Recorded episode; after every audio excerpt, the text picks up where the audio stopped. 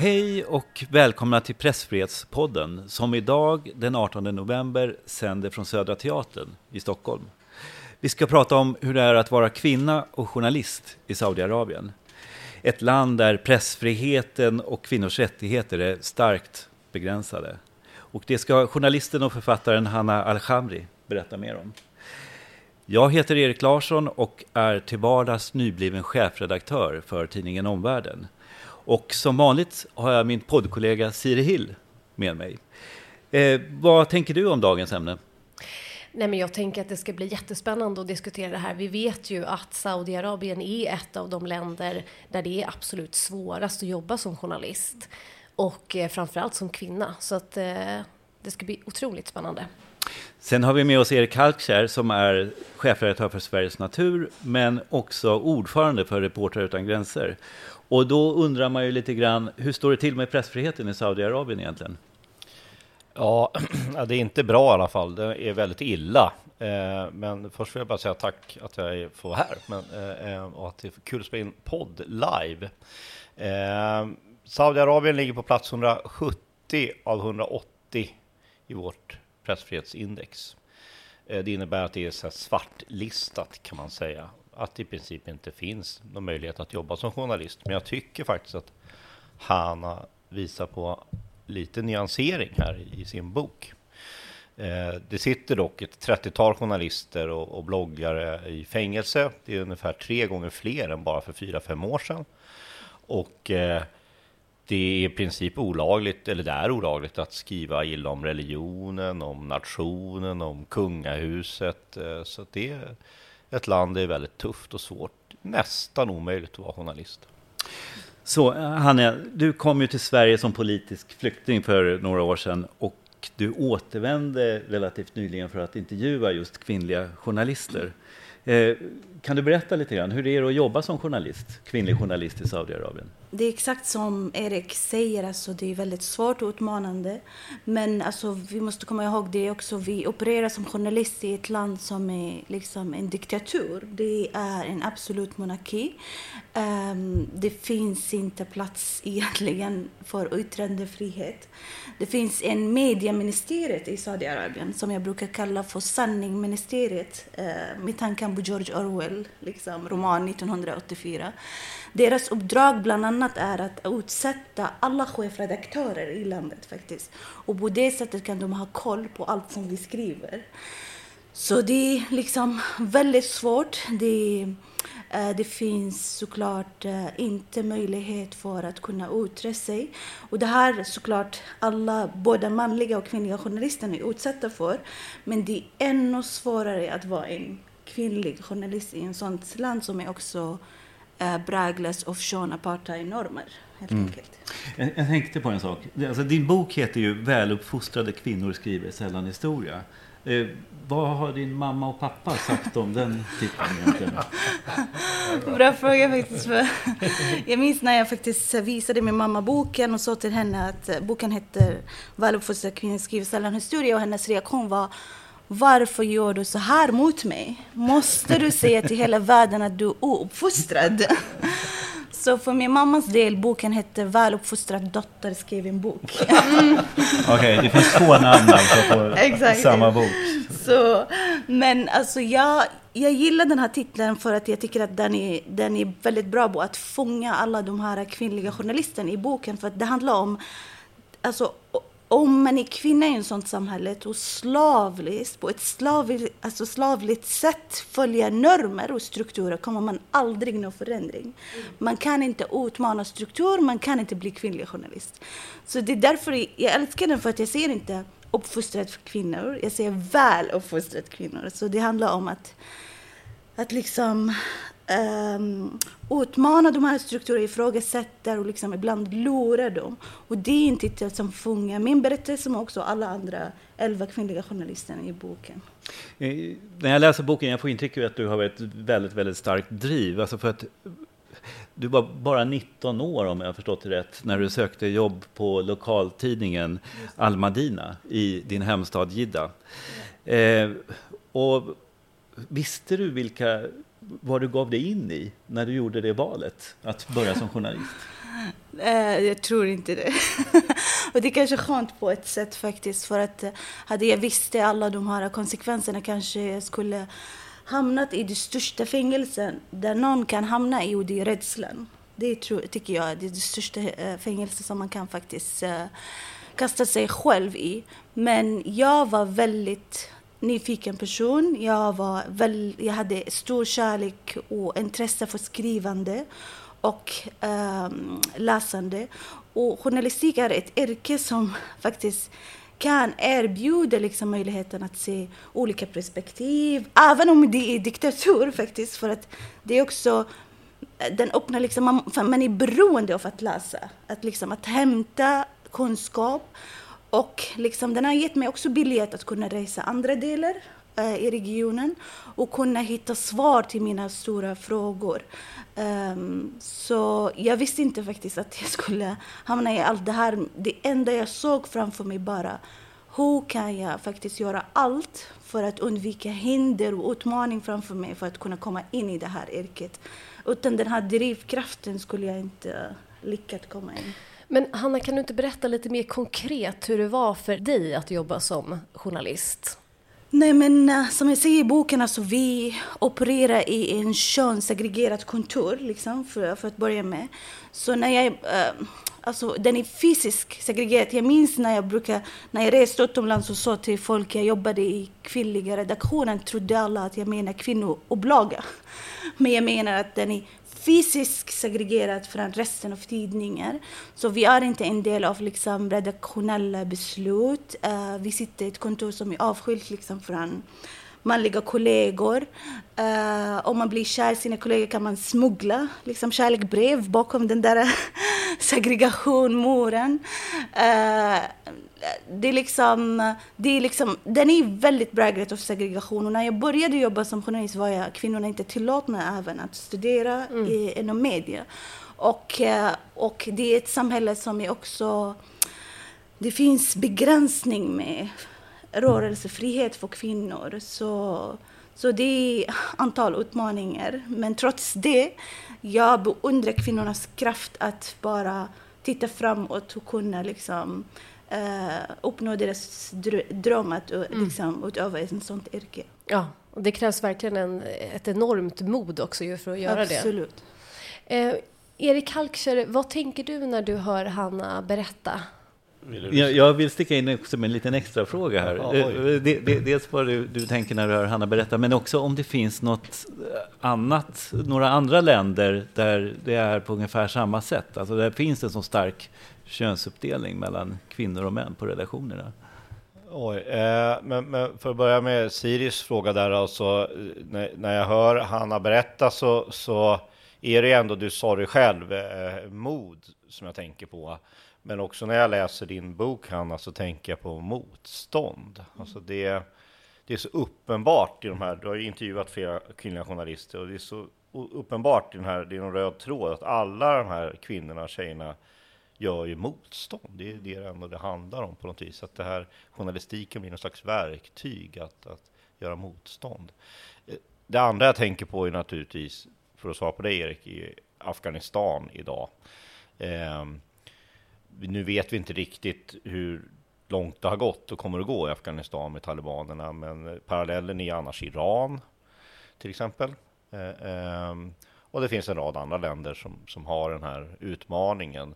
Eh, eh, jag vill ändå passa på, det, det, som jag tyckte var spännande med din bok var ju ändå det, det faktum att det faktiskt finns kvinnliga journalister. Mm. Det var ju bara det, var ju liksom, jaha, oj. Och så fanns det en redaktion, även om den är på en annan adress mm. eller en annan ingång, avskild. Så bara det var ju väldigt spännande. De brukar kalla den ibland för kvinnoanstalten. Ja, men det är lite så det framställs ju såklart. Eh, men det finns ju en rad andra länder när det, där det är på det här viset såklart, tyvärr. Hanna, du har ju intervjuat ett antal kvinnor. Vilka av de här, eller vilken av de här intervjuerna gjorde starkast intryck på dig? Oj, jag tror att um jag tror att nästan alla lämnade en slags intryck i mig. Liksom. Att, att vara kvinnlig journalist i en sån omständighet är väldigt, väldigt Uh, det kräver jättemycket. Uh, så, så jag märker att det som är gemensamt i alla deras historia är alla hittar på kreativa strategier för att kunna liksom klara utmaningar som finns inom deras familjer men också liksom, uh, utmaningar som är kopplat i samhället stort. Liksom. Men, men den, den som är mest har lämnat absolut starkaste liksom, uh, intryck i mig var Nof Abdelaziz. Och det är en kapitel som heter En försvunnen röst. Jag var på väg att göra intervju med henne och sen blev hon fängslad. Så jag fick bygga hela berättelsen baserat på eh, våra liksom, konversation på Twitter och det som hon skrev. Och den här tjejen var en liksom, journalist och skribent och hon var 19 år gammal när hon började skriva. Och hon var väldigt bekymrad över reform, alltså reformister i landet som hamnade i fängelse. Och när, någon, när, när, man, när jag frågade Nov eh, om hennes högsta dröm så tvekar hon inte på, på svaret. Det är att få, upplevelse, att, att få uppleva en rättsstat med demokratiska institutioner. För att i en sådan stat kommer det inte att finnas några politiska fångar och våra villkor kommer att förändras till det bättre. Mm. Och det här är liksom en ung journalist som kan formulera och ha en sån vision för sitt land. Hon har lämnat det största, största intryck i mig faktiskt. Du var ju lite inne på det, det här med vad som var gemensamt mellan de olika historierna. Har, har du något mer sånt exempel? Finns det någon röd tråd liksom mellan de här berättelserna? Ja. Nej men absolut, alltså, jag var väldigt fascinerad över hur alla kvinnor hanterar de, de här utmaningarna på väldigt olika sätt. Det finns en berättelse av en ung journalist um, som hennes egna, alltså hennes mamma och syskon vet att hon jobbar som journalist men hennes släkt vet inte om det för att de har um, de vill absolut inte att det, att hon får jobba som journalist.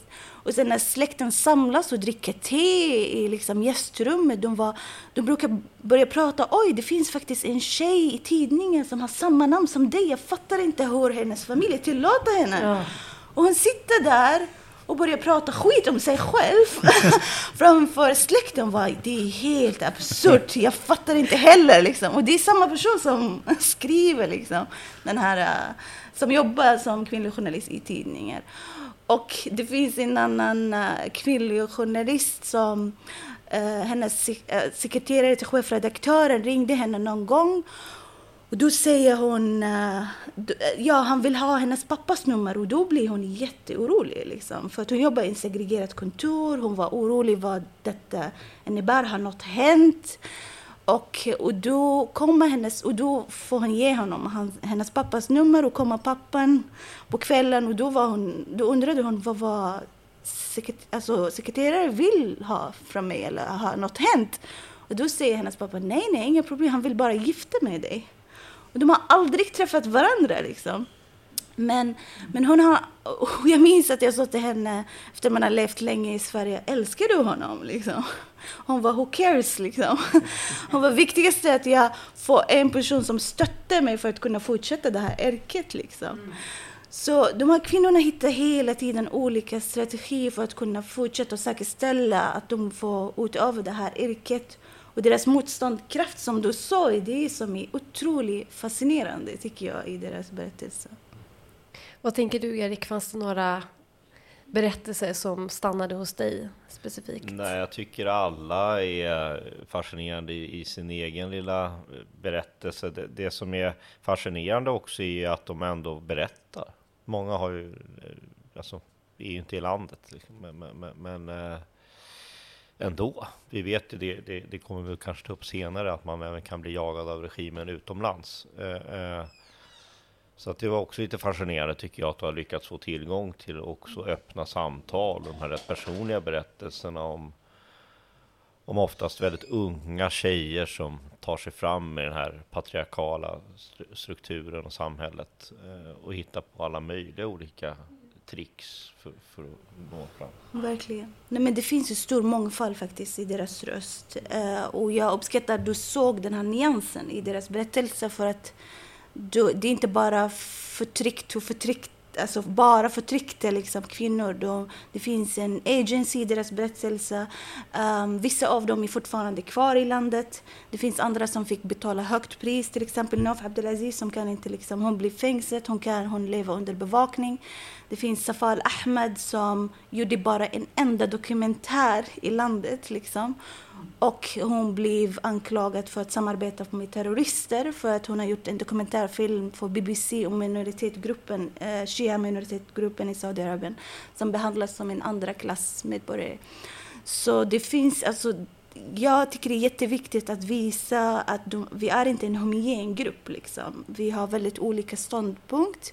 Men det som är gemensamt är den här drivkraften av, och längtan till friheten och skrivande mellan oss.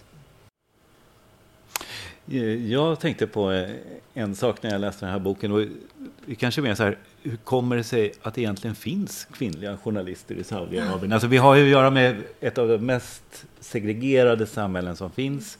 Eh, fram till förra året så tror jag att det var så att kvinnor inte fick använda huvudingången till restauranger. Men, mm, stämmer inte det? Och, och, och, så ändå så finns det ganska, finns ju flera tidningar som har kvinnoredaktioner mm. eller kvinnoavdelningar. Mm. Alltså, vad, hur, hur, kommer det sig att, att, att, finns, att det finns överhuvudtaget? Nej, men det säger mycket om de här kvinnornas styrka. Liksom. Ja, fast det är någon uh, som eh. måste betala ändå. Det är någon tidning som måste... Alltså det måste finnas ett godkännande från staten här, tänker jag. Uh, jag kan erbjuda några teorier. Nej, men det första jag måste säga Alltså, de har inte öppnat kvinnliga avdelningar eller tillåtit kvinnorna att jobba som journalist i ett land där de inte kan studera ens som journalister. Eh, för att de har bestämt, alltså mannen som sitter i makt i samhället, i ett sånt patriarkalt samhälle, har bestämt det. Det var för att kvinnorna drev den här frågan. Eh, kvinnorna eh, i samhället som kommer från en liksom, familjer som hade resurser och fick skicka deras dotter, döttrar utomlands, ofta så liksom. De kom tillbaka på 50-talet, 60 De drev frågorna som rör rätten till utbildning. Det var de som skrev liksom första artikeln om det är viktigt att man har liksom förlossningsvård för kvinnor liksom på 60-talet. Det var de som um, tjatade liksom fram att liksom, uh, vi måste vara med och skriva artiklar. Och sen lyckades de, alltså den första kolumnist, kvinnliga kolumnist på 70-talet, hon hade en pseudonym som hette Människa. Jag tycker det är mm. liksom det är otroligt starkt. Ja, ja det är, otroligt. det är alltså, hon kan säga jättemycket genom bara den här pseudonymen. Och, och de var såklart tvungna att liksom jobba under pseudonym. Men, men de också plockade viktiga frågor som tidningar insåg, oj, det ökade prenumerationer. Alltså, det började tidningen säljas mer. För att uh, det är liksom, vi pratar om halva samhället. Och som, det fanns en efterfrågan. Det fanns en efterfrågan. Och det är tack vare för att de här kvinnorna liksom drev. Så en kombination av vinst, liksom. Så det gjorde att de insåg att eh, det finns en incentiv att öppna liksom, kvinnliga avdelning. Och den första kvinnliga avdelningen på 80-talet satt liksom, liksom flera kilometer bort från huvudkontoret. Liksom. Och de skrev såklart i den där tiden i hand och det kom alltid en eh, chaufför, chefredaktörens chaufför för att hämta alla deras artiklar i slutet av varje dag. Och sen kom dagen efter på morgonen för att ge dem den första upplagan. Liksom. Så det fanns inte alltså, connection eller bild eller hur, liksom, hur tidningen ser ut. Och då berättade Bedriel Bisher som har jobbat på 80-talet att när hon var, när de önskade bara se hur man producerar en tidning då sa chefredaktören till dem, okej okay, ni får komma till huvudkontoret men det är jätteviktigt att det ska vara hemligt och ingen i samhället får veta det. Så de har liksom beställt en taxi till dem och de kom till tidningen och de trodde att de skulle träffa deras kollegor och sen hela tidningen var tom. Mm. Det var klockan åtta, men den där dagen hade de bestämt liksom migrera bort allmän från tidningen så att kvinnorna kan få se liksom alla de här gigantiska maskinerna bara rör utan någon som står bakom det. Jag blev så fascinerad när jag läste i din bok att eh, det fanns många män som skrev under kvinnliga pseudonymer. Också. Ja, även det vill de ta den bort från oss. Jo, men jag, man undrar lite grann, alltså, var, varför, varför blev det Nej, men det är helt absurt faktiskt. Men det, jag minns det, um, det händer, alltså såklart många kvinnor uh, av rädsla för repressalier, socialt tryck och liksom massor av utmaning. Till slutet på uh, 80-90-talet det var jättevanligt att kvinnorna skrev under pseudonym. Sen började vi upptäcka att vissa av de här kvinnliga pseudonym är inte kvinnor, det är man. Mm. Uh, och det var för att eftersom det, det, är ett samhälle som är väldigt bra, präglat av könssegregation Eh, så, så insåg vissa av dem att deras artiklar blir kända när de låtsas att de är kvinnor. För att alla vill veta vad händer i kvinnors värld som är väldigt segregerad i samhället. Mm.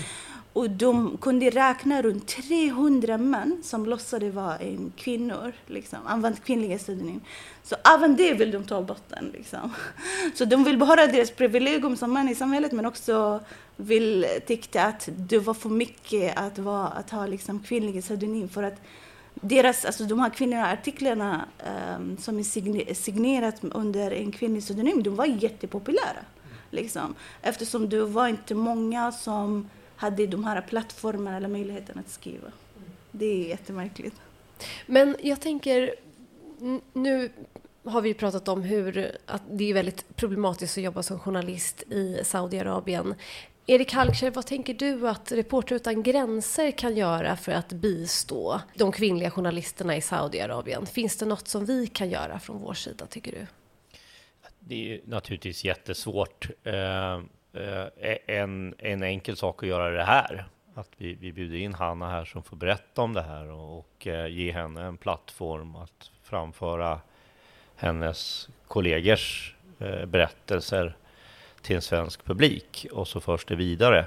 Eh, Reporter utan gränser är ju i, i till syvende och sist en påverkansorganisation så att jag tror att det, här handlar det om att hitta Okej, okay, vi har den här nivån här, här, vi har kvinnoredaktioner, de får göra det här och det här i Saudiarabien. Och då gäller det liksom, det här är bas, det är baseline liksom. Och när Saudiarabien börjar liksom fingra på det där, då måste ju Reporter utan gränser och många andra organisationer vara på där och uppmärksamma världen på att nu håller man på att försämra ett redan dåligt läge och, och utöva påtryckningar. Och, och, och, jobba mot den svenska regeringen, och mot EU, mot FN och, liksom, och, och, jobba mot det här. Men vi kan ju också jobba med att, att, att eh, uppmärksamma andra eh, kvinnliga journalister. Eh, till exempel så för, för två år sedan så fick Eman Al-Naf ja, fick eh, Pressfrihetspriset för report, internationella Reporter utan gränser för, i kategorin mod. Mm för sin blogg, Saudi Women's mm. blogg. Va?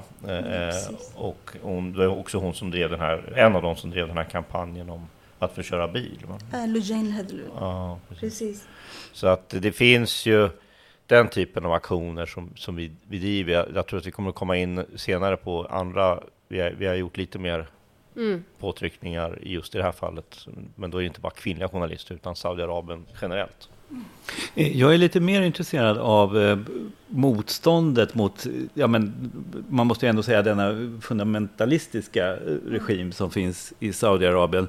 Och då vet jag ju att sen 2004 eh, tror jag det är, så finns det ett fackförbund för ja. journalister som kallas väl inofficiellt för chefredaktörernas förbund eller Precis. någonting sånt där. Så det verkar inte vara ett fackförbund liksom som står på vanliga arbetares sida i alla fall, eller vanliga arbetande journalisters sida. Men, men finns, det no, så finns det några andra föreningar eller organisationer? Vi har, Erik har berättat lite vad Reporter utan gränser gör, men finns det några andra föreningar och organisationer som försöker driva arbetsvillkoren för kvinnliga journalister i landet? Jo, precis, men jag, måste, jag har faktiskt citerat en eh, kvinnlig journalist som satt i den här chefredaktörens förbund, för att alla som sitter där är chefredaktören.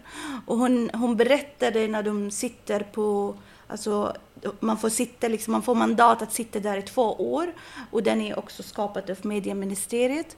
Och hon berättade att de satt där, drack te varje styrelsemöte eh, eller förbundmöte och sen för att diskutera stadgar i två år. Om vi ska ha en punkt eller komma liksom i, i varje liksom, mellanmening och sånt. Det låter som en mardröm faktiskt. en sovjetisk stil.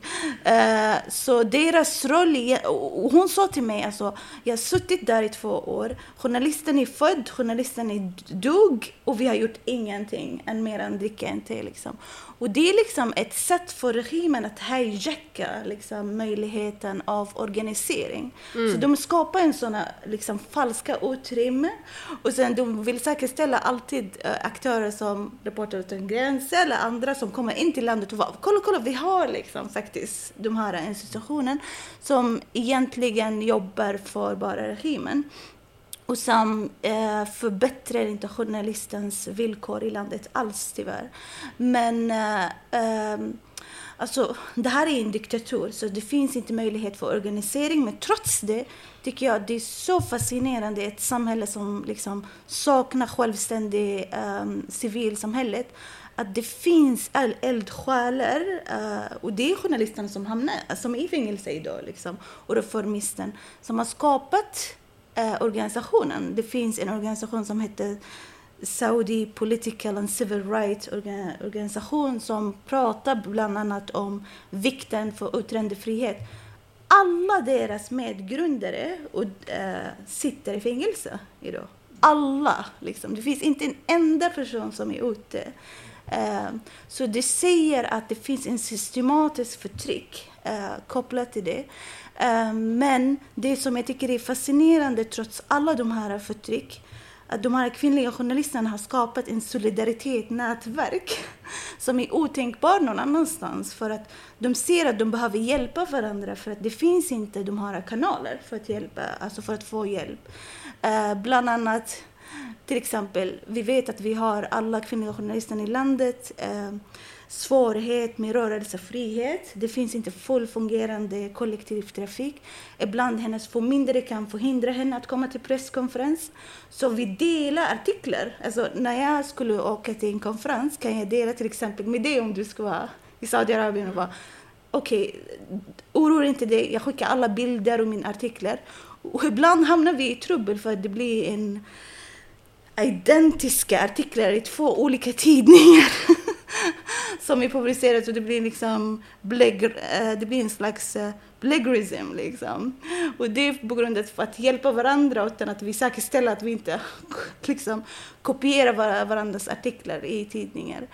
Så, och sen försöker vi, eh, det var en situation där en av mina kollegor Eh, det finns inte fungerande liksom, barnomsorg, så hjälper kvinnliga journalister varandra. Och sen utbyter vi liksom, äh, vad heter, um, källor och hjälper vi varandra kring källor. Så, för att man är liksom motarbetad i en sån segregerad miljö. Och, uh, och sen, uh, ja, så, så, så jag tyckte att det var så häftigt att se den här solidariteten växa såklart alla är inte en del av det, men många faktiskt gör det. Det är lite som att det här yttre förtrycket då, eller liksom den hårda situationen som kvinnliga journalister befinner sig i har svetsat ihop uh, gruppen. Jo, absolut, det kan man säga. Men jag tänker på det här Hanna, du kom ju till Sverige 2011 mm.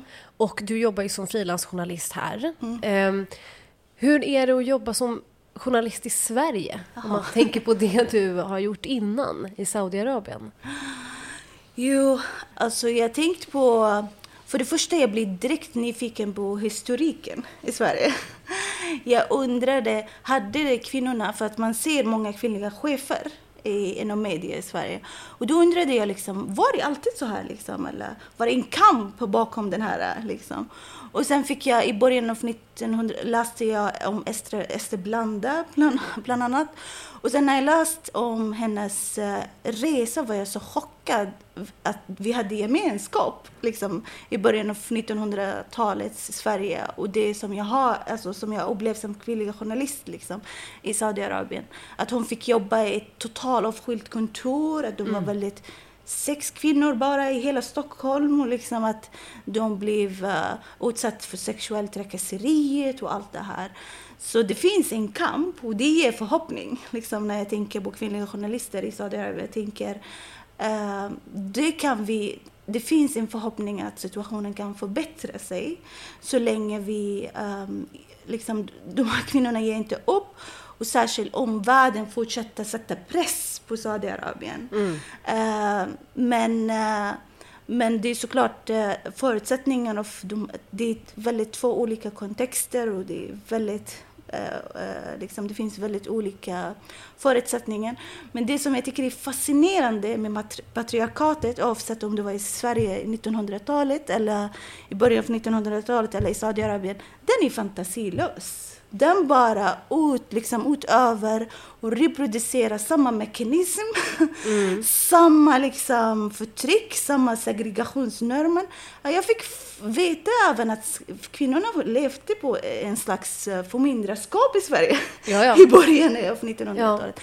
Så jag har stor tro liksom, i kvinnornas eh, styrka att kunna faktiskt förändra det här.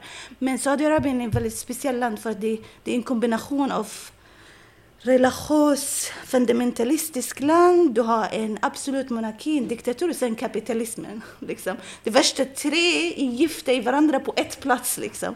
Och det är det som kvinnorna och de som försöker skapa förändring liksom, försöker kämpa mot. Men, eh, och därför blir det ibland väldigt vill gå tillbaka till hur viktigt det är att omvärlden måste ta liksom en stark ställning mot det som händer i landet och inte minst privata sektor. Jag minns 2014 när Ikea tog bort alla kvinnornas bilder i deras katalog i Saudiarabien. Vad skickar det här för budskap till samhället? Liksom? Att de liksom, för vinstens skull kan man prioritera bort eh, och, och liksom, eh, konspirera med regimen att kvinnorna är osynliga. Och det tycker jag är inte acceptabelt faktiskt. Det är jätteviktigt att man äh, inser att äh, mänskliga rättigheter och jämställdhet och jämlikhet väger mycket viktigare än det.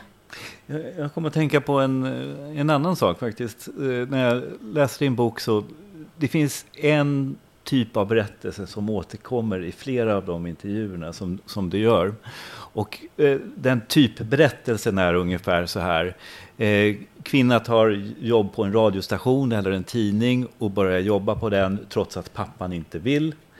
Och sen så blir pappan väldigt stolt över att eh, läsa, se sin dotters byline. Alltså det finns någon märklig motsättning där. Alltså, så, som, som alltid, eller eh, flera av de berättelserna börjar så att de är, papporna är väldigt, väldigt kritiska och sen så blir de väldigt, väldigt stolta. Ja, verkligen. Vad tänker du kring det? Nej, men det är faktiskt... Eh, det finns inte gemensamt där. Och jag minns när jag publicerade min artikel första gången i tidningen. Liksom. Min pappa visste aldrig vad jag skrev om. Liksom. Han hade ingen aning. Men han kunde protestera starkt om familjens efternamn blev... Eh, du vet, uh, vad heter Felstavad. Felstavad. om det blev bara en extra bokstav eller mindre. Han, han skulle, det blev en jättebråk och han undrade var, varför det blev så. Liksom. Men innehållsmässigt var det var nog inte något som var han intresserad Han var väldigt stolt att familjens efternamn var liksom i, i stadens största tidningen. Uh, och det är samma med, det finns också Nadine El-Bider där hon hon fick inte vara i familjens rum och diskutera politik hon med, tillsammans med bröderna och pappan. Men när de, familjerna upptäckte att hon har publicerat en artikel i stadens största tidning, då blev hon bjuden till rummet. Liksom. Då vill hela familjen uh, lyssna på hennes uh, berättelse och sånt. Nej men alltså, hur skulle man förklara en sånt? Jag vet inte liksom. Det ser mycket kanske av de här eh, patriarkala pappor, äh, kanske ego eller de bara insåg att det var inte livsfarligt att de blev kvinnliga journalister liksom, eller skribenter utan att det var något intressant. Och det som är häftigt när de, de här kvinnorna gör, alltså tar de här stegen och skriver och publicerar trots att familjen visste inte de inte bara förändrar sig själva, de förändrar deras omgivning med mm, dem. Mm. De introducerar nya normer, de liksom blir bjudna till de här anslutna rum där mannen ofta liksom tänker och tycker. Så, så det är positivt. Ja, det visar ju att om kvinnor kommer in på arbetsmarknaden så händer det någonting också med normer. Ja, Men eh, Erik, jag tänker vända mig till dig en liten stund nu. Eh, Saudiarabien, det är som du har nämnt ett av de värsta länderna för journalister. Och det var ju också Saudiarabien som låg bakom mordet 2018 på den saudiska eh, journalisten Jamal Khashoggi som eh, vi har pratat om i en tidigare podd. Eh, Khashoggi mördades inne på eh, Saudiarabiens konsulat i Istanbul och det visade sig att det fanns, ja det var säkerhetstjänsten helt enkelt som låg bakom mordet. Eh, efter det så gick Reportrar utan gränser ut och krävde att 30 journalister, namngivna journalister i landet, skulle släppas. Och eh, vi pushade på liksom för liksom att Saudi skulle förbättra pressfriheten på olika sätt. Och din företrädare eh, Jonathan Lundqvist var där och åkte dit med en delegation för att pressa på för att släppa journalisterna. Har det här gett någon effekt? Har det gett någon resultat? Inte, inte utåt i alla fall. Eh, det här var ju rätt inte, alltså när det här, det här mordet var ju något så helt fruktansvärt brutalt och eh, väckte ju eh, med all rätt eh, starka reaktioner i hela världen. På Reporter utan gränsers internationella sekretariat i Paris har jag förstått det som att man redan första dagen nästan sa vi måste åka dit och prata med den här regimen och förklara att det här är helt under all kritik. Ni måste ställa de ansvariga till svars och reda ut det här. Så här får liksom inte, det här får inte gå till. Så man jobbade väldigt aktivt från början med att försöka komma dit och få öppna den här dialogen. Jag, du minns ju själv, vi satt i styrelsen då, jag blev ordförande faktiskt den här resan blev av. Eh, eh, vi hade en diskussion i styrelsen huruvida man skulle ha en dialog eller inte med, med kungahuset. Och, eh, de åkte, Jonathan åkte i egenskap av vice ordförande i den internationella styrelsen och med honom var generalsekreteraren Christophe Deloire och den tyska eh, chefen eh, Christian Mir och sen Rebecca Vincent från Londonkontoret. Eh, och de fick ju träffa eh, ministrar, representanter för åklagaren, jag tror att det var chefsåklagaren, eh, chefen för kriminalvården, eh, kommunikationsministern, justitieministern, Eh, och, och, och, framförde detta att eh, ni, ni, måste ställa de skyldiga till svars och ni måste släppa de här journalisterna. Eh, och de fick ett löfte om att detta skulle ske.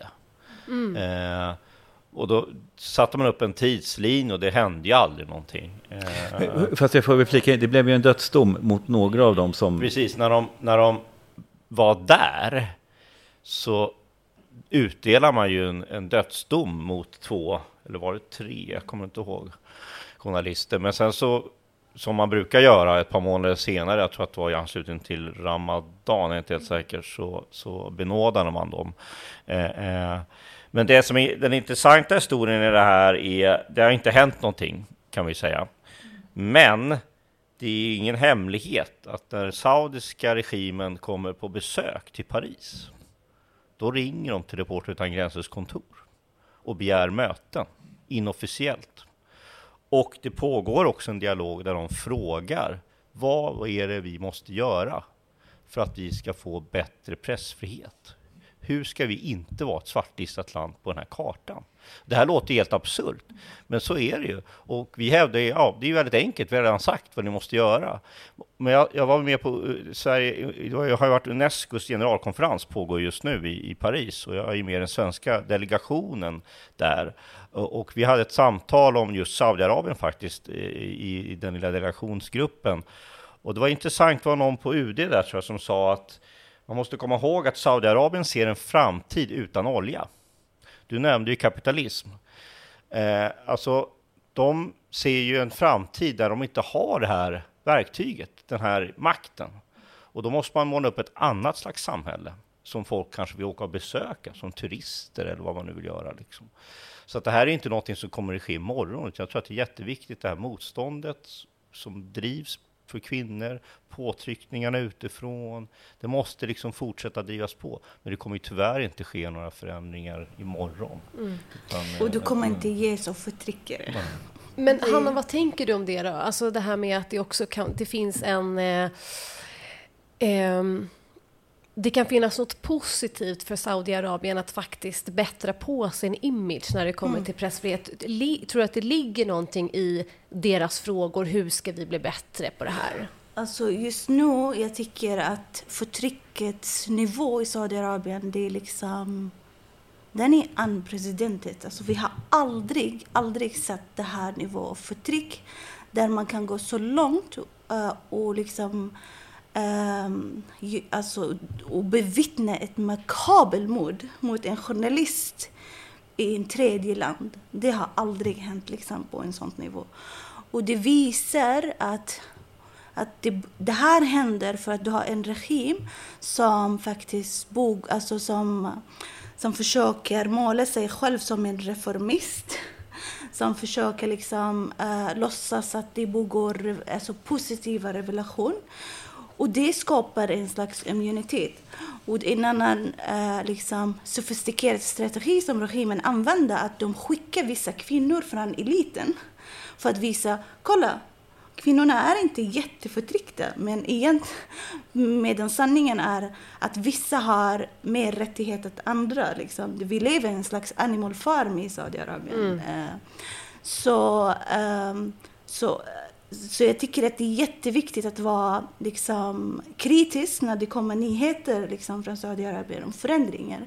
För att utåt, den ser fantastisk när regimen liksom, eh, annonserar de här förändringarna.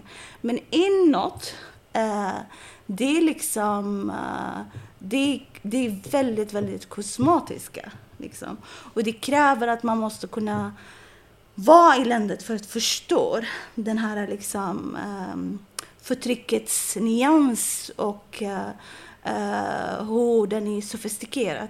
Men det som jag tyckte det var väldigt sorgligt med hela Jamal Khashoggi, du har en kronprins som försöker liksom möta väst, liksom, det som väst vill höra. Liksom. Och sen, mm. Eh, men den inte levererar en konkret demokratiska förändringar. Mm. Uh, men jag tänker på det här vad, om vi tänker framåt, vad är liksom rätt väg att gå? Är det dialog eller är det mer hårda tag, bojkott, sanktioner? För det har vi också diskuterat mycket när det kommer till fallet David Isak, mm. eh, där man pratar om, om, att man ska föra en tyst diplomati mm. eller mer sätta hårt mot hårt.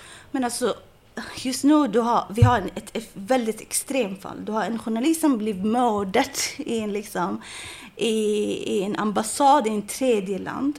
Hans kropp är fortfarande liksom inte levererad till hans egen familj. Och den här rättegången som de pratar om i Saudiarabien, det var en parodi. Det var liksom uh, en skämt. Uh, det, det fanns ingen transparens kring det.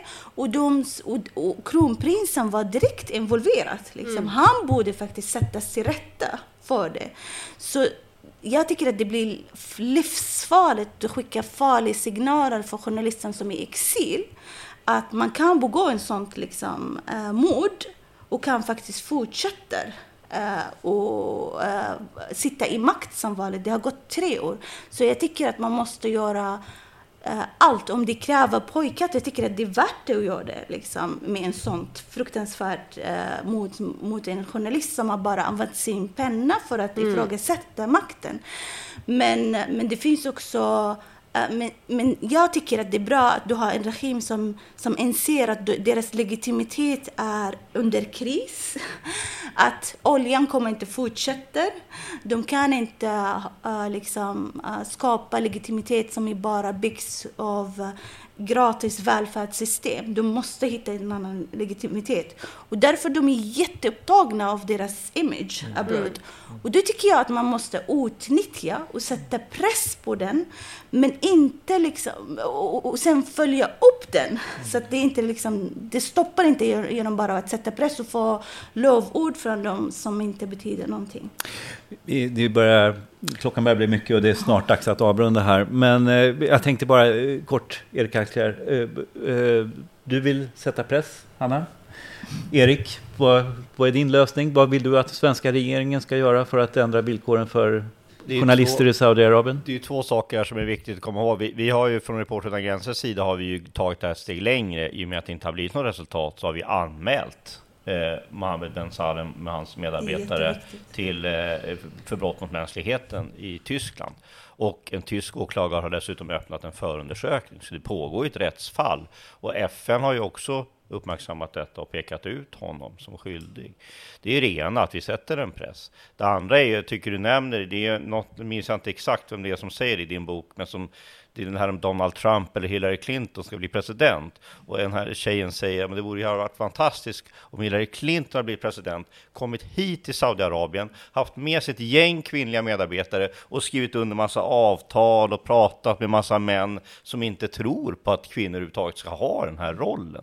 Tänker de, vår, nu, kanske, det är inte säkert, kvinnliga statsminister åker ner och så tar de med sig ett gäng kvinnliga medarbetare och en delegation med svenska journalister, kvinnliga journalister från SVT, SR och vad det nu är, och bara liksom gör en statsbesök och pratar med folk, men ändå bara visar helt öppet. Så här ser det ut i Sverige och så här gör vi. Och det funkar alldeles utmärkt. vi får väl hoppas att de inte tvingas ha burka då. Men... Nej, men då får man ju ta ställning till det. Men en, en, en viktig, jättekort bara, som du också nämnde, privat sektor. Mm. Det är ju direkt pinsamt att Ikea eller Ericsson som kan censurera sig själv. Ericsson vet inte, men Ikea kan censurera. Alltså, det här är ju en hållbarhetsfråga. Vi har skrivit på de här globala målen och Agenda 2030. Det finns ju till och med delmål, SDG 16 punkt någonting, 10 kanske, där det här ingår. Och har man så här hållbarhetskriterier, riktlinjer i sina papper, då ska ju pressfrihet och yttrandefrihet ingå där. Mm. Ja, ska vi handla och ha en IKEA-katalog här, då får ni se till så att kvinnliga journalister får jobba också.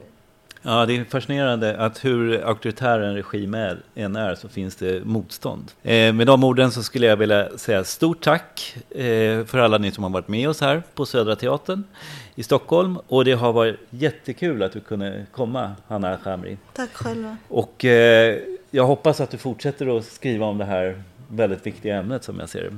Jag vill också tacka Erik Kalkskär som är chefredaktör för Sveriges Natur och ordförande för Reportrar utan gränser. Jag heter Erik Larsson. Och jag heter Siri Hill.